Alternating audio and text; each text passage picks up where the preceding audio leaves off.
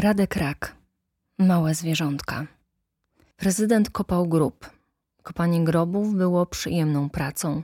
Łopata ziemi za łopatą, łopata za łopatą, jak nabieranie zupy łyżką. Niby za jednym razem nic nie ubywa, ale przecież z czasem zupy jest coraz mniej. I tak samo z czasem dół robi się coraz głębszy. I miło jest pomyśleć, że ktoś będzie miał z tego grobu pożytek, że będzie sobie w nim leżał i nie żył. Dlatego powinno w nim być wygodnie. Dobry grób znaczy nawet więcej niż dobry dom.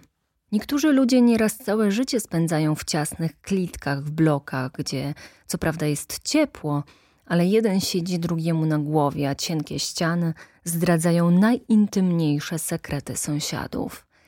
Inni żyją w domach, których nigdy nie da się ogrzać jak należy i wonieje stęchlizną, gdzie w zimowe wieczory trzeba siedzieć pod stertą koców, a i tak nie udaje się wypędzić zimna z kości. W niedobrym domu przykro jest żyć, ale o ileż gorzej jest nie żyć w niedobrym grobie, gdzie spędzić trzeba całą wieczność, aż po dzień zmartwychwstania. Przynajmniej tak było do niedawna, bo jakiś czas temu nowy proboszcz zarządził, że groby starsze niż 20 lat, którymi nikt się nie opiekuje, należy rozgrzebać i zaorać, by zrobić miejsce dla nowych zmarłych. Prezydent często widywał, jak maszyny wyrzucały wielkie grudy ziemi, białawej w barwie, bo trupy z czasem zamieniają się w wapno. Widywał i nie mieściło mu się w głowie, jakie to ma być wieczne odpoczywanie i jaki to będzie wstyd, gdy na koniec czasów przyjdzie umarłym zmartwychwstać po pięciu, dziesięciu albo nawet dwudziestu z jego małego grobu, jeśli kolejni proboszczowie okażą się równie przedsiębiorczy, co obecny. Będą ci zmarli toczyć się i cisnąć i wchodzić jeden drugiemu na głowę i może powstać taki tłok i ścisk, że nie wszyscy zdążą zostać odpowiednio osądzeni i zamiast do zbawienia trafią do potępienia albo na odwrót, bo przecież w tłumie i zamieszaniu nie trudno o pomyłkę. Prezydent zna te wszystkie cmentarne sprawy, bo od lat robi za grabarza z doskoku. Prawdziwym grabarzem był co prawda bardzo krótko, bo odkąd wszystko przejęły firmy pogrzebowe, mało kto chce, by mu prezydent przygotowywał dołek. Poprzedni proboszcz, ksiądz Kwiatek, porządny chłop, ulitował się nad prezydentem i pozwolił mu kopać groby dla dzieci. Nowy już na to nie zezwala. Czasem tylko przyjdzie wikary i w tajemnicy przed proboszczem pozwoli prezydentowi wykopać jakiś grób. Zwykle dla dziecka albo biedaka bez rodziny, takiego jak sam prezydent. Ksiądz płaci za to stówkę albo dwie i przykazuje nikomu nie mówić. Mnie pan powiedział, śmieje się pani Jowita Popiel. Bo pani to co najwyżej opisze w gazecie, a gazetom nikt nie wierzy. Takie złe ma pan zdanie o prasie? Nawet jeszcze gorsze. Siedzą pod Kaczyńskim, czyli pod memoriałem smoleńskim. Pomnik znajduje się na leżącym trochę na uboczu skwerze i ma postać wbitego w ziemię ogona samolotu. Spod tego ogona wystaje po piersie prezydenta Lecha Kaczyńskiego. Rankiem gromadzą się tu żule, po południu emeryci, wieczorami zakochani, a nocą pijana młodzież. Teraz jest ranek, pora pierwszego piwa, ale pić przy eleganckiej pani z Warszawy to w ogóle nie przystoi. Dlatego prezydent specjalnie wstał dziś wcześniej swoje pierwsze piwo wypił przed piątą rano. Nawet założył lepszą koszulę, niebieską w drobną kratkę, w której chodził na randki w czasach, gdy życie miało więcej sensu. Rozmawia mu się z panią Jowitą lepiej niż przypuszczał. Dziennikarka nie zadaje zwykłych dziennikarskich pytań, nie docieka, nie drąży, co prezydent robi w czasie, gdy porządni ludzie są w pracy, ani z czego żyje i z czego ma pieniądze na alkohol. Trochę go to nawet rozczarowuje, bo gdyby padło pytanie, z czego żyje, przygotował sobie zawczasu gotową odpowiedź. Tak sobie żyje, z Bożej łaski. Zamiast tego gadają o wielu sprawach ciekawych i nieistotnych, bo wszystkie naprawdę ciekawe rzeczy na świecie są mało istotne. Rozmawiają na przykład o ryżym Iwanie, który co róż podkłada łeb pod rękę pani Jowity, albo natarczywie trąca ją łapą, gdy ta choć na moment przestaje go głaskać. Lubi panią, zauważa prezydent. Bo tak się łasi? Gdzie tam? Lgnąłby do każdego, byle go głaskać. Taka to kurwa sprzedajna. Ale on tak na panią dobrze patrzy. Powiedziałbym, że mądrze, gdybym go tyle lat nie znał. Nie wygląda na głupiego. Ja nie mówię, że głupi. Jest bardzo bystry i wyszczekany, ale specjalnie mądry to on nie jest. Prawdę mówię, Iwan? Ryży Iwan daje głos na dowód wyszczekania, ale nadal trwa wpatrzony w redaktorkę, ziając i robiąc najbardziej błazeńskie miny z psiego repertuaru. Świetnie pan rozumie psią duszę, rzecze uprzejmie pani Jowita. E, jaką tam duszę? Psy nie mają duszy. No wie pan? Tego tylko brakuje, by mi ten, za przeproszeniem, sukinsyn jeszcze po śmierci w zaświecie głowę zawracał. Trzeba przecież od siebie odpocząć. A poza tym to nie wie nikt, na co się Pan Bóg z psami umawiał. Z ludźmi to wiadomo, na duszę nieśmiertelną, na niebo albo piekło do wyboru. Ale z psami? Dlaczego miałby się umawiać z psami na to samo, co z ludźmi? Niech pani popatrzy, jaki świat złożony. Inny jest los człowieka, inny myszy, gołębia, ryby albo tej osy, co to leci upierdolić Iwana, która wcale nie jest osą, tylko gąsienicznikiem i składa jaja w ciałach gąsienic pewnych gatunków motyli. Dlaczego wszystkich miałoby spotkać to, co ludzi? Prawdę mówię, Iwan, czorcie jeden? Rudy kundel szczeka donośnie. Sama pani widzi. A gdyby to było mało, to powiem pani w sekrecie, że ten psi syn nie jest nawet ochrzczony. I kiedy patrzę, jak się prowadzi, jak za sukami gania, jak tylko patrzy, co by komu zwędzić, jak zrobić, żeby się nie narobić, a za to nażereć się za pięciu, to już lepiej by nie miał duszy, bo psie diabły w psim piekle z pewnością już na niego kręcą łańcuch i kolczatkę. Nie zanudzam pani? Absolutnie, pan jest szalenie zajmujący. Jak na żula, prawda? Jowita Popiel waha się, ale tylko przez krótką chwilę. Tak, jak na żula, przyznaję. Prezydent uśmiecha się szeroko. To miłe, że pani nie udaje, co o mnie myśli. Jak pan został prezydentem? I prezydent odpowiada, że to bardzo proste, wystarczy odpowiednio się nazywać. Przedstawia się więc z imienia i nazwiska i już sprawa jest jasna. Zaczęto go tak nazywać, gdy jego imiennik wygrał wybory. A żulem? Jak pan został żulem? Jest pan inteligentny i dobrze się wysławia. Jedno i drugie chyba przez książki. Ja dużo czytam, pani redaktor. Zawsze dużo czytałem. Pewnie za dużo. Od czytania robią się z głową dziwne rzeczy. Potem człowiek nie może jakoś odnaleźć się w życiu. A przestać się nie da. Straszny nauk te książki. Stokroć gorszy od wódki. Powinno się go leczyć na odwyku w specjalistycznych ośrodkach. Najgorsze jest to, że już przeczytałem wszystko, co w miejskiej bibliotece było wartościowego i nadawało się do czytania. Mam sporo książek na ranczu za miastem. Może nie wszystkie są wartościowe, ale pewnie coś pan dla siebie znajdzie. Zapraszam. Prezydent płoszy się nagle. Czuje, że płoni się jak nastolatek. Ale ten. Obiecałem Iwanowi, że pójdziemy nad Wisłokę oglądać perkozy. Znaczy, on płoszy, a ja oglądam. Może zatem być pojutrze. Od uśmiechu pani Jowity robi mu się dziwnie miękko w środku. Pojutrze? Na wypadek, gdyby jutro znów musiał pan kopać grób. Kopanie grobów nie wzięło się znikąd.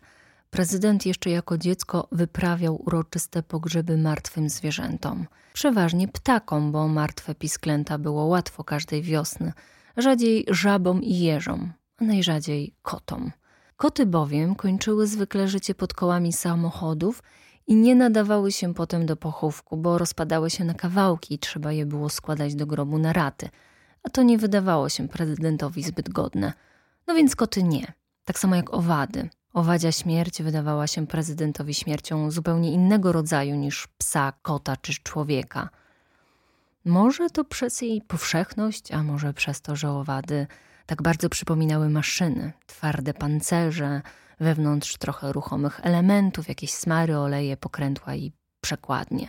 Na pierwszy rzut oka wygląda to groźnie i skomplikowanie, ale gdy się dokładniej przyjrzeć, to już wcale nie. Dlatego, gdy umiera żuk albo osa, to jest tak, jakby na amen zatarł się silnik w samochodzie. Owada nie opłaca się naprawiać i trzeba go zezłomować. Przychodzą wtedy po niego mrówki i robaki. i nie należy im przeszkadzać. Gdzieś pomiędzy maszynami a prawdziwymi zwierzętami plasowały się ryby. Prezydent nigdy nie wyprawiał rybom pogrzebów, może dlatego, że nie miał z nimi zbyt dużego kontaktu, a może dlatego, że ryby nigdy nie poznały ziemi i nie było powodu, dla którego miałyby być w niej grzebane.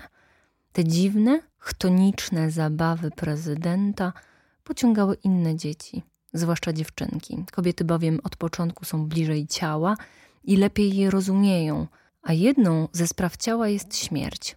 Tak więc miał prezydent zawsze wierne grono żałobniczek i trochę rzadziej żałobników, przynajmniej dopóki o wszystkim nie dowiedziały się matki tych dzieci. Efektem jednak było sporo miejsc wiecznego spoczynku, ozdobionych zerwanymi mleczami, stokrotkami i wieńcami z koniczyny.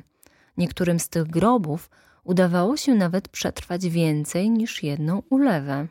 Prezydentowi nigdy nie przeszło przez myśl, że zabawy w grabarza zwierząt mogą doprowadzić do nieszczęścia.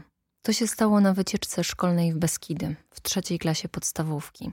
Prezydent został już wyjęty spod anatemy rybobójcy i niektóre dzieci ponownie zaczęły się do niego odzywać. Na tyle przynajmniej, by posłuchać, jak opowiadał o salamandrach. Dzień był bowiem zimny i ociekający deszczem, i większość klasy narzekała, ale nie prezydent. Wypatrzył w trawie salamandrę, co wystarczyłoby uznać wycieczkę za udaną. Płas lśnił tłustą czernią i słoneczną żółcią, a prezydent półgłosem opowiadał jednej z dziewczynek o tym, jak niegdyś wierzono, że salamandry żyją w ogniu. Półgłosem, bo pani Eliza często strofowała go za przechwalanie się i wpisywała mu uwagi, gdy nieproszony dzielił się swoją wiedzą. Pani Eliza tym razem nie usłyszała niczego. Usłyszał za to gruby buba. Złapał salamandrę za ogon i cisnął w żar grilla, rozpalonego pod zbutwiałą wiatą turystyczną. Prezydent natychmiast wygrzebał zwierzę gołymi rękami, wzbijając w górę snop iskier i zbierając tęgi ochrzan od pani Elizy, tym surowszy, że była pochłonięta konwersacją z panem przewodnikiem. Konwersacja pełna była półszeptów i trochę głupawych chichotów, a prezydent nie wiedział wtedy jeszcze, że dorosłym w takich chwilach nie należy przeszkadzać. Salamandra o dziwo przeżyła. Może ochronił ją gęsty śluz na powierzchni ciała, a może stare legendy mają w sobie więcej prawdy niż mogłoby się wydawać. Chłopiec zdziwił się, jaka jest sprężysta i przyjemna w dotyku. Nie tak twarda jak jaszczurka, ale i zupełnie nie przypominająca rozlanych żab i ropuch. Wyszedł na zewnątrz, by ją wypuścić. Zafascynowany nie zwracał nawet uwagi na poparzone palce – Pewnie zrobił źle, poświęcając tyle czasu na zachwycanie się płazem, bo gruby buba, zły, że salamandra nie spłonęła w grillu, wyrwał ją prezydentowi z ręki i rozdeptał. Prezydent krzyknął i popchnął bubę, ale dla zwierzątka było już za późno. Język wypadł z pyska, pękły płytko osadzone oczy, a kloaką wyszły trzewia. Różowe, zielone i żółte. Buba również popchnął prezydenta.